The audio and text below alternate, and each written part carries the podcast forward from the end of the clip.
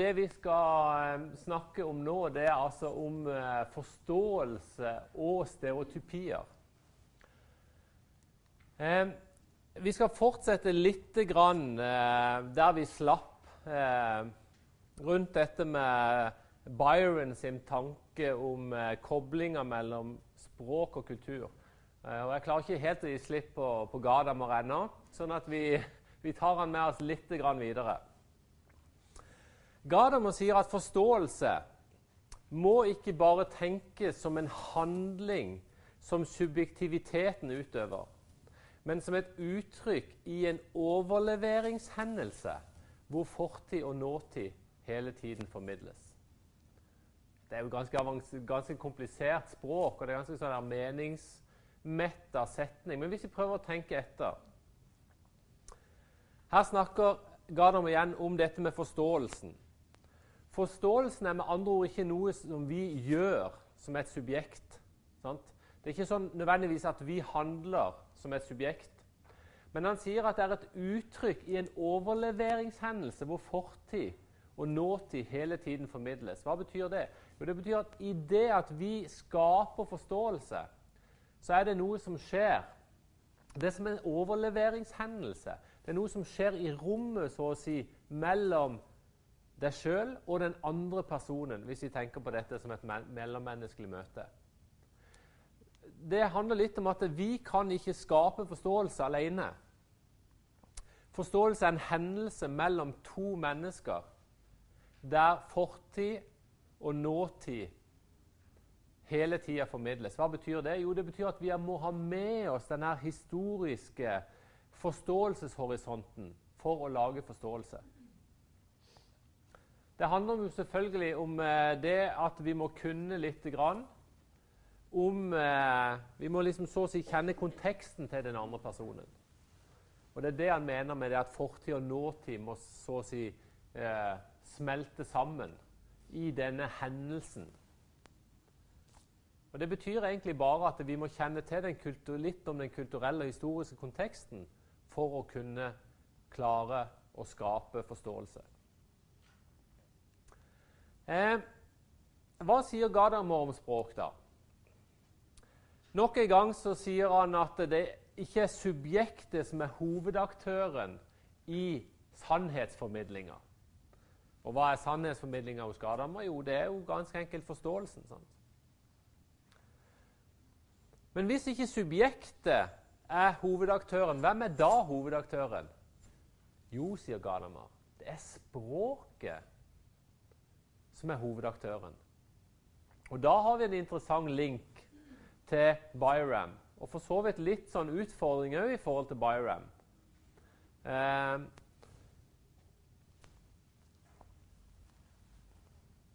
vi er tilbake her til dette som eh, vi snakker om eh, Både Heidegger og Gadamer snakker om at språket det er vår eneste mulighet til å forstå verden rundt oss. Subjektet er altså ikke hovedaktøren, det er språket som er hovedaktøren. Hvorfor det? Jo, for det er språket som skaper disse bildene i hodet vårt. Det er språket som kobler fortida til nåtida. Det er språket som formidler de tankene vi har, osv. Så, så, videre. så vi skjønner jo etter hvert hvor utrolig viktig språket er. Og alle dere som har jobba med flerkulturelle eh, eh, pasienter, kolleger osv., dere vet jo hvor, hva slags hva skal vi si, nesten hva slags forbannelse det kan være å ikke kunne, å ikke kunne uttrykke seg språklig. Sant? Det er bare så utrolig frustrerende. Sant? Det er jo det som er det bibelske bildet. Sant? Det er Babels tårn. Det er jo på en måte en forbannelse over menneskene. At ikke de kan kommunisere. Og sånn føles det jo. Det er rett og slett at du ser hvordan en, hvordan en, en elev eksempel, bare blir helt frustrert fordi han ikke klarer å uttrykke seg. Hvordan vi kan være, bli frustrerte fordi ikke vi klarer å si det som vi mener, eller at vi blir gjort mindre enn det vi egentlig er fordi at ikke vi klarer å uttrykke oss på det språket som samtalen foregår på. Så språket er ekstremt viktig. viktig. Og Den horisontsammensmeltinga som foregår i forståelsen, det er språkets verk, sier Gadamer. Ganske poetisk. I den ekte samtalen så innser en jo at en ikke har hele sannheten. Men sakens sannhet kommer til syne som en lysning, sier Heidegger, for de samtalene. Jeg har ikke hele sannheten. Den jeg snakker med, har ikke san hele sannheten. Men idet vi samtaler, så er det akkurat som det lyser opp. Forståelse skapes. Det er ganske sånn poetiske bilder som, eh, som Gadam bruker her rundt dette med forståelse. Sant? Sannhet og lys og greier. Men det er jo litt sånn, er det ikke det? I det øyeblikket vi virkelig forstår et annet menneske, så er det jo som et lys går opp for oss. Sant? Det er liksom som om vi, vi, vi, vi kjenner så å si at det svulmer inni oss. Og all forståelse er språklig, han er begrepsmessig. Og verden er bare verden når den kommer til ordet gjennom språket. Det er når en annen person kan forklare sine egne følelser, kan forklare de vanskelighetene han har hatt, forklare de traumene han har gått igjennom som flyktning, eller de utfordringene han har med å tilpasse seg det norske samfunnet. Uten språket så kan han jo ikke gjøre det. Uten språket kan ikke du forstå hva som er din pasient, din elev, din klient, din kollegas utfordring. For det må bli formidla på en eller annen måte. Yes, Det var liksom uh, introduksjonen eh, eh, til dagens tema via Gadamer. Og det vi skal snakke om, det er litt om to artikler i pensum. Den første er Ruth Illmann sin artikkel i boka 'Bridges of Understanding', som heter 'Stereotypes the symbolic image of the other'. Og her eh, skal vi gå litt videre i forhold til det som eh, Når vi har snakka om Gadamer, så har vi snakka veldig mye om fordommer. Men vi har snakka om fordommer med bindestrek. Ergo forforståelser, ikke negative fordommer. Nå skal vi snakke om stereotypier, som i mye større grad blir et ord som på norsk blir brukt litt i samme åndedrag som vi har fordommer eller vi har stereotypier. Så skal vi se litt hvordan Ilman behandler dette begrepet. Etterpå skal vi si litt om eh, eh, artikkelen til Christofanini, som eh, egentlig er ganske uenig med Illmann. Så det kan være interessant for dere å lese disse to kapitlene opp mot hverandre. Fordi at de har, de har en veldig forskjellig tilnærming til begrepet stereotypier. Vi skal se at Ilman er ganske positiv og sier at ja, stereotypier er noe vi trenger.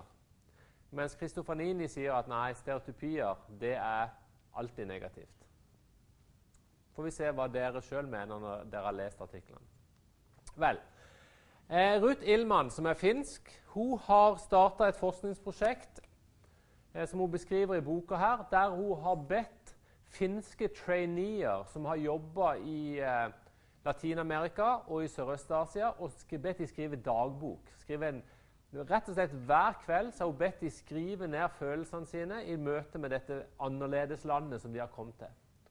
Eh, og så analyserer hun eh, disse dagbøkene i ettertid. Og Den første er positiv, eh, sånn som dette. Det jeg liker med folk fra disse breddegrader spontanitet. Plutselig var det fest, og alle dansa glade på bordet. Hjemme så må det alkohol til, men her altså Alt som trengs noen latinske rytmer. Ja, det blir tøft å dra hjem og møte alle de bleke menneskene. Ikke det at europeere ikke er hyggelige, men bare den fantastiske hudfargen folk har her, er helt magisk. Eh, vi kan vel kjenne oss igjen i denne liksom begeistringa over å møte noe nytt, noe annerledes, noe eksotisk, noe varmt og, og rytmisk. Så denne traineen her, som, som da kom til Latin-Amerika, ble helt slått av hvor fantastisk fascinerende det var å komme dit. Men litt lenger ut i oppholdet, rett før de skulle hjem, da, så var det en annen trainee som skrev dette her. De er som sjakkbrikker som man må flytte rundt for å oppnå noe. Ingen beveger seg av seg sjøl. Ingen tar initiativ. Spillet er tapt hvis du blir sint. Da gjør de enda mindre. Man må lede dem som en sauehund jager sauene. Du må forklare alt. Og når noe går galt, så må du gripe inn, akkurat som hunden som biter sauene. Ofte når de sjøl tar initiativ, så går alt galt. Ok? Her ser vi liksom den helt andre eh, sida av det å jobbe i en flerkulturell kontekst. Der du har vært der så lenge at eh, glansen fra denne gylne huden og musikken og varmen har liksom kjølna litt. Og nå ser du liksom realitetene tenker en at å, det var ikke så lett allikevel. Der skjønner selvfølgelig poenget. Ruth Illmann sitt poeng er at vi som mennesker vi bruker en viss eh, vi, vi bruker stereotypier for å beskrive det som er annerledes. Enten kan vi gjøre det positivt, eller så kan vi gjøre det negativt. Eh, disse karikaturene som, eh, som, vi, som er tegnet her, det er nettopp det vi kaller stereotypier. Og Da er spørsmålet hvordan kan vi forstå stereotypier på den ene sida, og hvordan kan vi forklare at vi som mennesker, sjøl vi opplagte, utdanna intelligente menneskene, hvorfor fortsetter vi å bruke stereotypier når vi skal forklare ting? Hva handler det interkulturelle møtet om? Det kan handle om mange ting. På den ene sida kan det være et eventyr. Og på den andre sida kan det være fullt av frustrasjoner. Det kan handle om at vi skjønner den andre og tenker at dette handler om likhet. Eller at ikke vi skjønner noen ting, og at det handler om forskjeller. Det kan være fiendtlighet, at vi er usikre på hverandre og kanskje litt sånn aggressive til og med. Eller det kan være at det er gjestfrihet som møter oss først. Det kan være fellesskapet, eller det kan være fremmedgjøringa. De som ferdes mye i disse miljøene, vil jo helt sikkert ha følt på alle disse tingene. Og ville kunne si at det, det er alt dette på en gang. Det er veldig mange sterke følelser. Og det er Ilman sitt poeng. Følelser må få større plass i slike studier. På samme måte er poenget at dere som enkeltmennesker, som arbeidstaker som jobber med disse problemstillingene, dere, sier Ruth Illmann, dere må gi rom for følelsene i dette. Dere må skjønne at det å jobbe flerkulturelt det er noe som trigger emosjonene i oss. Både det veldig positive og det veldig negative. Og Hvis dere forsøker å legge lokk på disse følelsene, så gjør dere dere sjøl en bjørnetjeneste, sier Ruth Illmann. For Vi er nødt til å ta disse følelsene på alvor, for hvis ikke vi gjør det, så vil vi lure oss sjøl.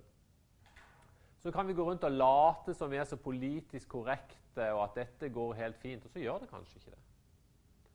Og Da sier Ruth Illmann at selv i forskninga så må vi ha større fokus på det. På den frustrasjonen som oppstår, de gledene som oppstår osv.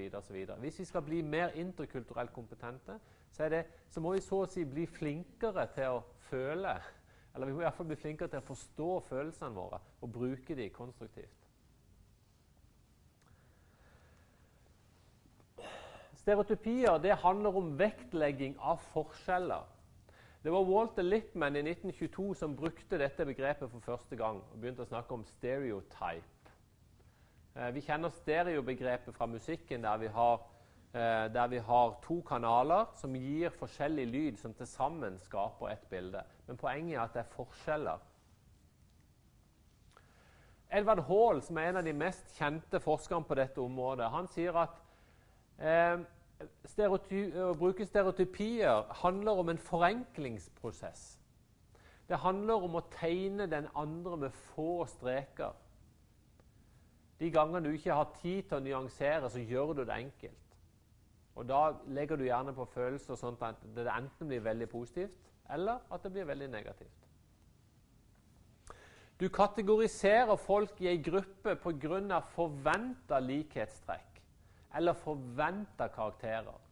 Og Mye av poenget her ligger i dette ordet 'forventede'. Sant?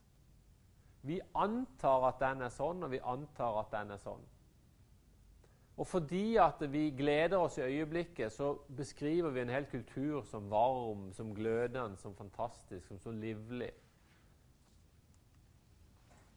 En sånn beskrivelse mangler nyanser. Og Problemet selvfølgelig med disse stereotypiene det er jo at de er vanskelig å forandre. Det andre problemet med stereotypier er selvfølgelig det som vi har snakka om tidligere, at det ligger et veldig sterkt maktaspekt til stede her. For hvem har rett til å definere disse andre menneskene? Som veldig livlige, eller som sauer, eller hva det nå er vi beskriver dem som. Sant? Hvem har makt til å sette den definisjonen? Som regel er det jo sånn at de som har flertallet, eller de som har, representerer normen i et samfunn, det er de som Det er de som eh, Om de har rett eller ikke, vet jeg ikke, men det er iallfall de som tar seg den retten. Det er å eh, skulle Å skulle definere de andre. Så still, kan, er jo spørsmålet for oss som driver og studerer dette, hva er forholdet mellom stereotypier og kunnskap? Eh, de fleste av oss lever jo i den Hva skal vi si? Jeg skal, skal ikke si villfarelse eller utopien, men i fall, vi har jo en tanke om at kunnskapen skal forandre oss. At kunnskapen no, skal være med å forandre eh, vårt forhold til ting. Problemet er jo at eh, stereotypier veldig ofte fungerer som selvoppfyllende profetier. Hvorfor det? Jo, fordi at vi mennesker på en eller annen måte er laga sånn at vi ser det vi ser etter.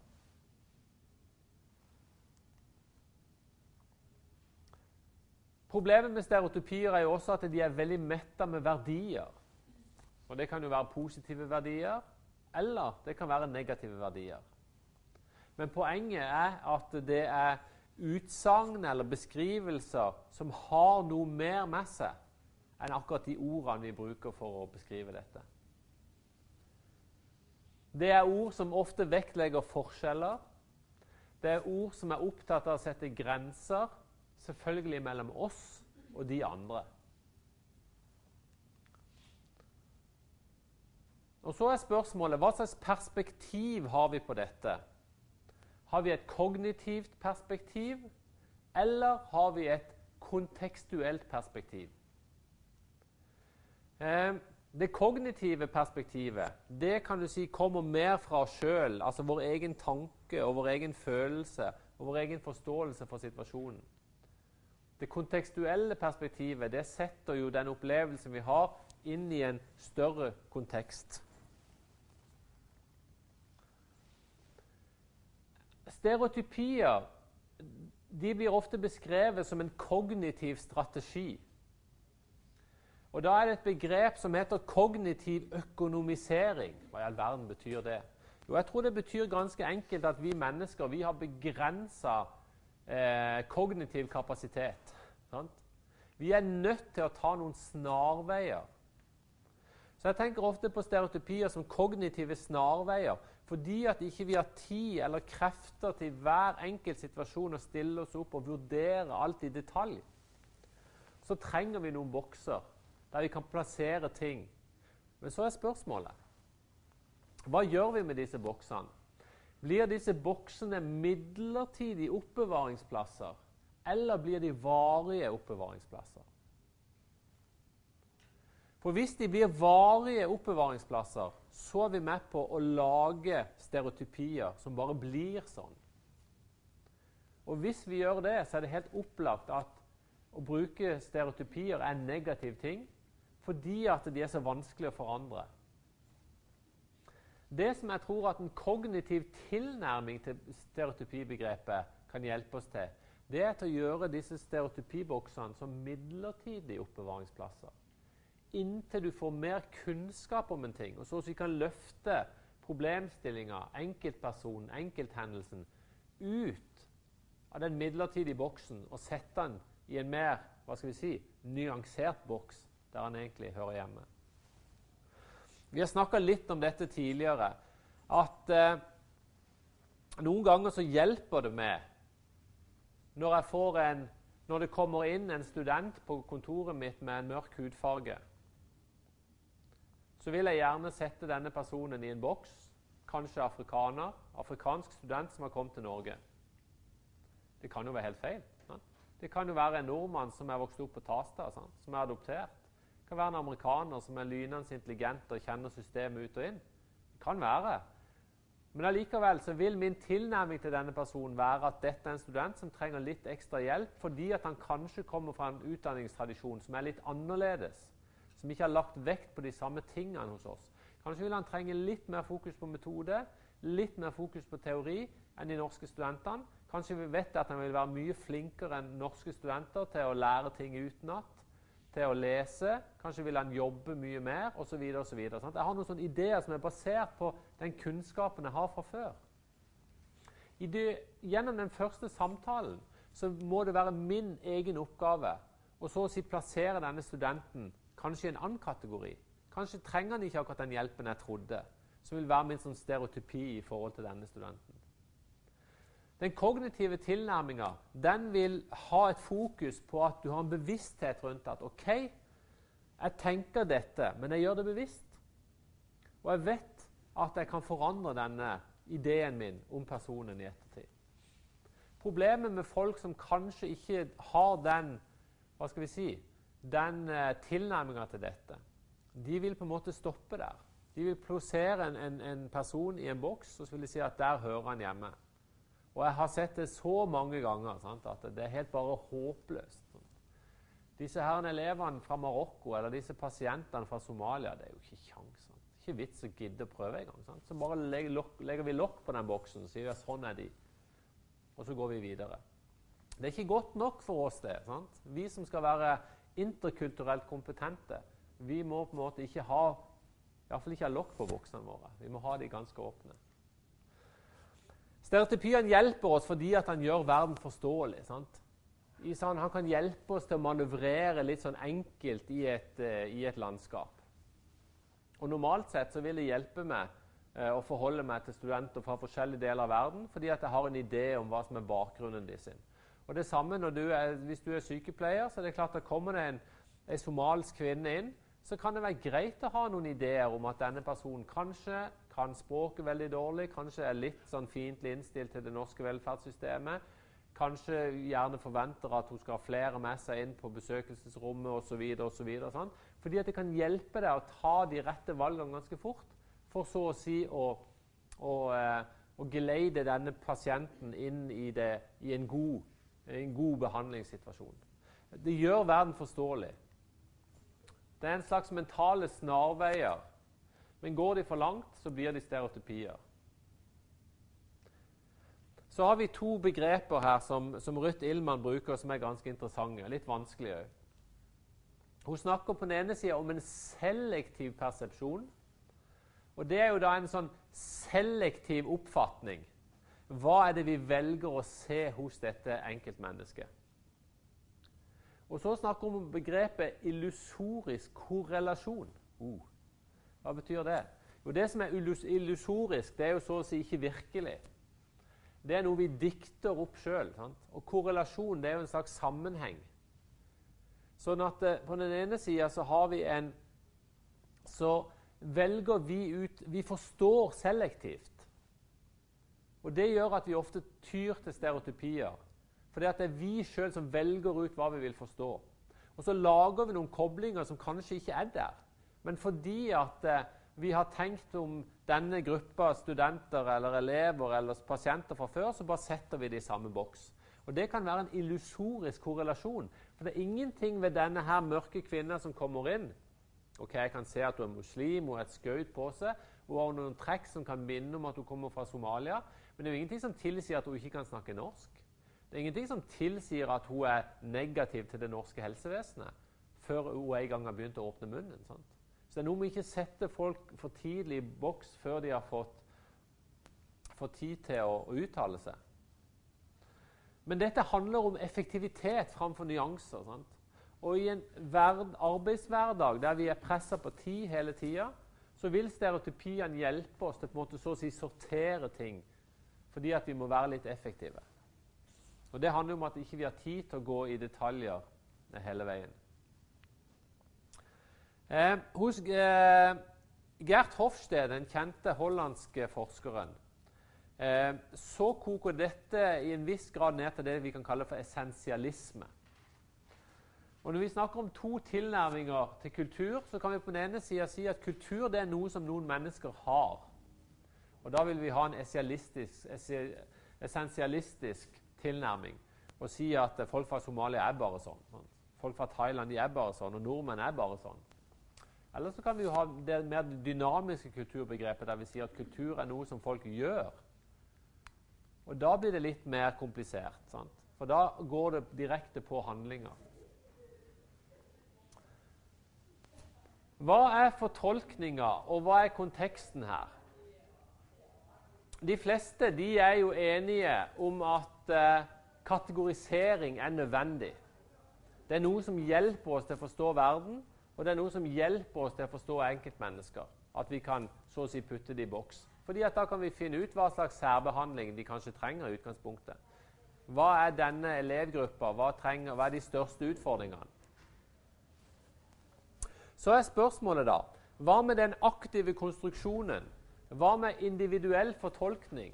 Hva med motivasjoner? Hva med kontekst osv.? Og Det er jo her vi må begynne å grave litt dypere i det øyeblikket, tenker jeg, at vi trenger å gjøre det. Det er jo ikke alle elever eller alle klienter eller alle pasienter vi får like mye med å gjøre. Sant? Hvis det er en person som bare kommer inn, og du bare henviser han til en annen Nei, du skal ikke være i denne klassen, du skal i den klassen, eller du skal over på den avdelinga. Du må søke på det eh, bidraget osv. osv. Da tenker jeg at stereotypiene våre hjelper oss til effektivitet. Men i det øyeblikket vi får en elev eller en klient eller en student foran oss, da må vi aktivisere vår aktive konstruksjon, vår individuelle fortolkning. Vi må se etter egen og den andres motivasjon, og vi må se på hvilken kontekst dette handler om. Da kan vi jobbe mot stereotypiene. Vi trenger de som sagt for å skape mening og konstruere identitet. Men problemet er at de definerer annerledeshet, og de opprettholder en type symbolsk orden. En forskjell mellom oss og de andre. Så er spørsmålet da har stereotypien en dynamisk karakter, eller er stereotypien fast? Det tror jeg handler om vår egen rolle. I hvor stor grad er du sjøl med som en aktiv skaper av stereotypiene? Er de bare kognitive modeller, eller er det noe som i stor grad får lov til å styre dine handlinger? Det tror jeg det vi er nødt til å spørre oss sjøl om. Er vi med på enten å opprettholde eller skape stereotypier overfor kollegaene våre eller overfor andre? Eller er vi aktive i forhold til så å si å lage stereotypiene dynamiske og argumentere for at dette er en dynamikk i dette som kan hjelpe oss videre? Jeg tror at dette handler i stor grad om at vi må øve oss opp til forskjellige mentale strategier. Samtidig er det klart at en trenger et rammeverk som skaper mening. Og det rammeverket det må skapes av hver profesjon individuelt. Fordi at F.eks. hvis du har eh, utfordringer knytta til en spesiell språkgruppe på skolen, du er lærer, og så ser du det at nei, dette funker bare ikke. De som kommer fra Bosnia, altså, de kan bare ikke godt norsk. Godt nok norsk til at det er meningsfylt å ha dem inne i klassen.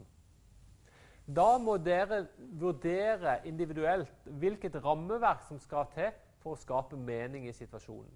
Og Da kan det jo være at til, hva er tiltak? Tiltak kan jo selvfølgelig være kan vi gi dem mer morsmålslæring? Kan vi gi dem mer norskopplæring?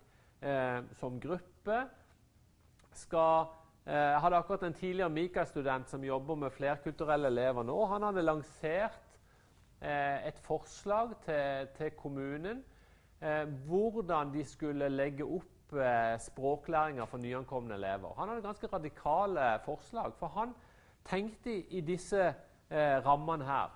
Innenfor disse rammene, så tenkte han, Hva er rammeverket innenfor skolen? Jo, alle nye elever som kommer, de blir satt rett inn i klassen. Hva med å lage et, et innkjøringskurs på et halvt år for alle nyankomne, der vi kun fokuserer på språket, f.eks.? Det handler om rammeverk. Det er veldig interessant nå, det er ting som er oppe til diskusjon i noen kommuner på Jæren akkurat nå.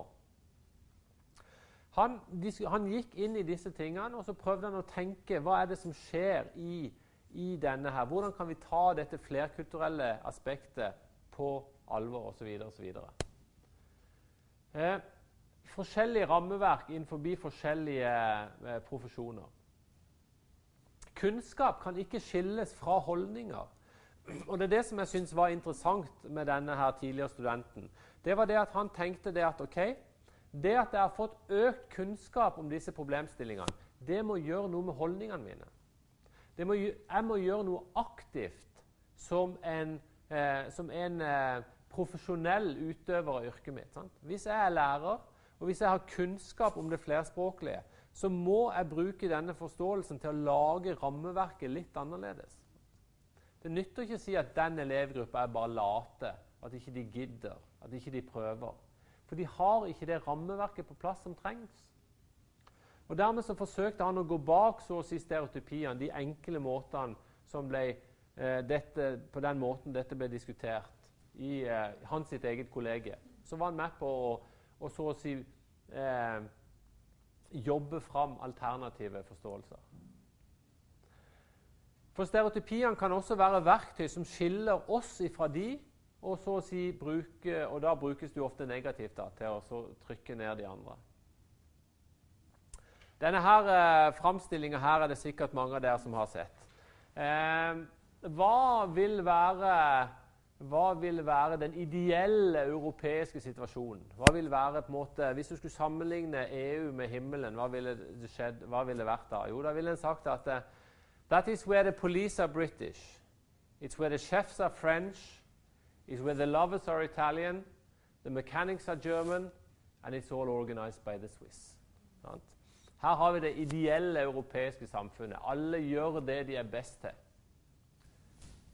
Men hva så hvis vi skulle se for oss det mest utenkelige av alt? da? Hva ville være den verste europeiske situasjonen?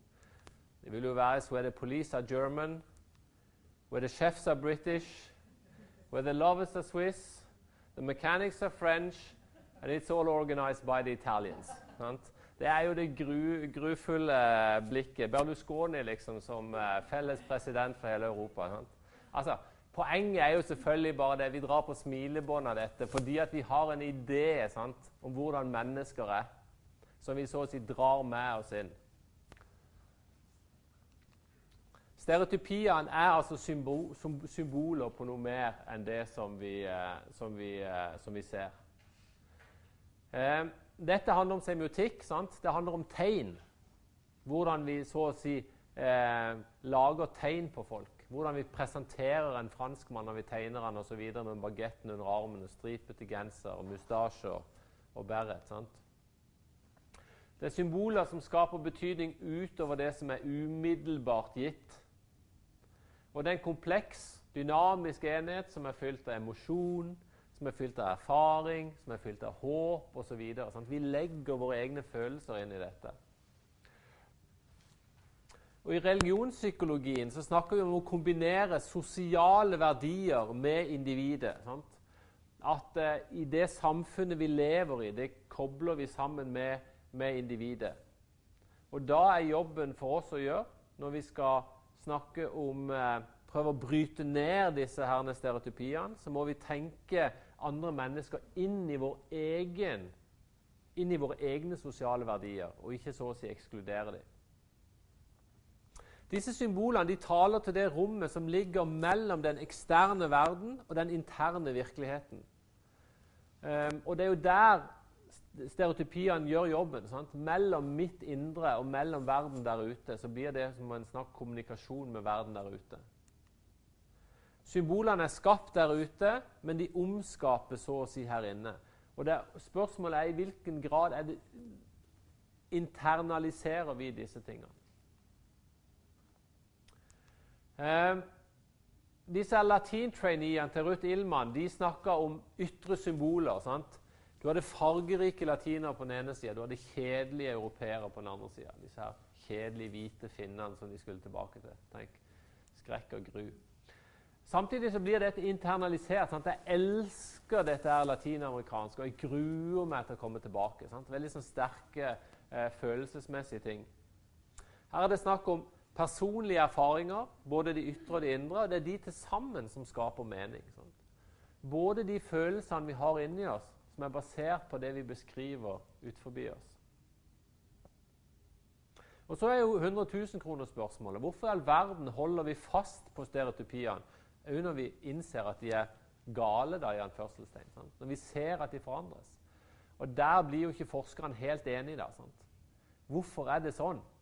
Men jeg tror jo det handler om noe med denne her kognitive økonomiseringa. Altså. Det at vi, vi, har ikke mental rett og slett kapasitet til å holde alle variabler oppe til enhver tid. Vi trenger noe sånn, og så gir det oss en litt god følelse. Sant? Det å kunne at de er helt idioter, eller de er fantastiske. Sant? Det er noe med at vi, vi emosjonelt og hva skal vi si, økonomisk trenger å sette andre ting i bås. At kanskje er det bare sånn vi nå en gang er laga. Så er spørsmålet hvordan ser vi den andre, da? Vi kan ha positive tanker om den andre, og de er så fantastiske. Den idealiserte andre. Eller vi kan ha den radikale andre, som vi ikke vil vedkjenne oss i det hele tatt, for de er så annerledes. Eller så kan vi ha den autonome andre, som vi ser som et helt menneske. Det idealiserte er romantisk og eksotisk. Det radikale har stort sett fokus på negative sider. Og Der jo ofte, er vi jo fort over i rasismegrøfta. Og begge disse to er egentlig like svart-hvite. Er latinamerikanerne fantastiske, eller er de sauer? Altså det er, eh, poenget er at det er like svart-hvitt begge deler, og antagelig like feil. De er sikkert som oss. De er både fantastiske og mindre fantastiske. Men den autonome andre er så å si den vi ønsker å møte. Det er det åpne og respektfulle møtet. Det er ikke sånn total uavhengighet, men det er en meningsfull avhengighet og dialog. Og det er nok noe Poenget er at stereotypien den, den fremmer en type uavhengighet. Sånn, en forskjell mellom oss. Mens, mens eh, eh, det møtet, dialogen, skaper en avhengighet. Stereotypier er ikke begrensninger i kommunikasjon, men nødvendig verktøy til å skape mening, sier Ruth Illmann. Og Så kommer hovedpoenget hos til slutt, at stereotypiene er konstruert, og derfor kan de forandres. Hvis en stereotypi er bygd opp av legoklosser, så kan du ta det fra hverandre så kan du bygge det sammen på en ny måte. Hvis de er sosialt konstruert, så kan de også dekonstrueres. Så skal vi bare bruke noen få minutter til slutt på å se på hva Kristofanini tenker. I hans artikkel så går han ganske sterkt ut f.eks. mot Øyvind Dahl og implisitt mot Ruth Illmann sin måte å tenke på. Fordi at hans eh, Tittelen på artikkelen er 'The Representation of the Others as Strategies of Symbolic Constructions'. Kristofanini ser i mye større grad enn Ilman alle stereotypier som en bevisst strategi. Hans hovedfokus er at stereotypier det handler kun om å utøve makt. Det handler om så å si om å, å trykke noen andre ned, eller å sette noen andre i bås på en måte som framhever meg sjøl. Og Hvorfor gjør det det? Jo, for han sier at makt trenger legitimering. Vi må kunne legitimere hvorfor vi er mer verd, hvorfor vi skal bestemme over de andre. Og Det kan vi gjøre gjennom en rasjonell måte. Og når vi skal rasjonalisere oss til hvorfor vi er bedre enn de andre, så bruker vi ofte stereotypier. For å forenkle de andre og si at nei, men vi er jo bare helt nødt til å være litt strenge med denne elevgruppa her. For de er jo håpløse. Det er jo alle enige om. sant? Vi rasjonaliserer og så universaliserer vi, så sier vi jo, men det er faktisk sånn at alle elevene som kommer fra Somalia de er jo, Det er jo helt umulig å ha det i samfunnsfagklassen. sant? Fordi at du har noen eksempler, og så universaliserer du. Og så bruker du det som en maktstrategi, da, mener Kristoffer Nini. Og så har du det med narrativitet, at du lager dine egne fortellinger der du sjøl er i sentrum. Og din egen måte å se ting på blir liksom den som er viktig. Så Kristofanin er ganske kritisk til hele stereotypibegrepet fordi han mener at det handler om bevisste strategier hele tida. Han sier at eh, bevisste strategier er gjerne dette med overføring av et begrep fra et sted til et annet. F.eks. når vi snakker om de allierte i Irak-krigen. Hva er overføringa? Jo, selvfølgelig er det jo snakk om de allierte, et veldig positivt begrep som ble brukt under andre verdenskrig. De allierte er vinnerne, det er de som er på lag, det er de gode. Og Hvis vi overfører dette begrepet til Irak-krigen, så, så, sier vi underforstått at Saddam Hussein var den samme som Hitler. Sant? At vi måtte bekjempe det onde med det gode. Det er en strategi vi bruker bevisst. Dette med eufemisme, som handler om så å si å forskjønne et ord sant? og få det til å virke bedre enn det egentlig er. En selektiv representasjon av maktrelasjoner. F.eks. bruke begrepet å gjenskape lov og orden.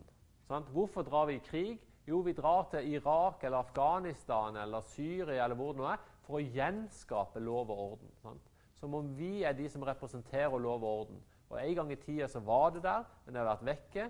Og nå må vi gjenskape dette igjen. Sant? Vi, vi, går, vi, sier ikke at vi, vi, drar til Irak for å ødelegge en sivilisasjon, for å drepe mennesker og for å, å, ødelegge en hel generasjons mulighet til utdannelse. Nei, vi sier jo ikke det. Vi sier at vi drar for å gjenskape ro og fred og lov og orden og muligheter for demokrati osv. Sånn, språket igjen ser dere hvor ekstremt viktig det er. Eh, ekskludering eh, eh, er en annen måte der du tenker at eh, du har en språklig eller en sosial tilhørighet. Eh, si at De som ikke er sånn som oss, de som ikke snakker vårt språk, de er per definisjon De kan liksom ikke uttale seg om dette, osv. osv. Og så er det dette med fragmentering, fokus på forskjeller, som du bruker helt bevisst som en strategi for å, å gjøre folk annerledes. Eh, og Da tror jeg vi skal nærme oss slutten på dette. Dette var bare en liten sånn smakebit fra Kristofanini sin artikkel. Eh, Min vektlegging av Ilman eh, i forhold til Kristofanini sier kanskje noe litt om hvor eh, hjertet mitt ligger da, i forhold til eh, måten å tenke på. Jeg tenker nok at eh, Ilman har mye riktig i at, at stereotypien handler om den type kognitiv økonomisering, at vi trenger den så å si at, og at stereotypier kan hjelpe oss. Men jeg tror samtidig at Kristofaninis artikkel er veldig, et veldig viktig sånn korrektiv til oss. Nettopp til det at ikke vi skal sette lokk på boksen, men at vi skal hele tida ha boksen åpen, og at vi skal relativt raskt kunne løfte ting ut av den boksen og bli mer ny nyanserte. Så Ilman sitt fokus på at, at vi har en aktiv holdning til stereotypiene. Det tror jeg er veldig viktig. Og sånn sett så kan vi jo lese Kristofanini positivt, hvis vi vil, da, på den måten at han pusher oss til hele tida å være nyanserte i møte med det som er annerledes. Og han pusher oss òg i forhold til å se på det skjulte maktperspektivet som veldig ofte ligger i det å kategorisere andre mennesker på den ene eller den andre måten.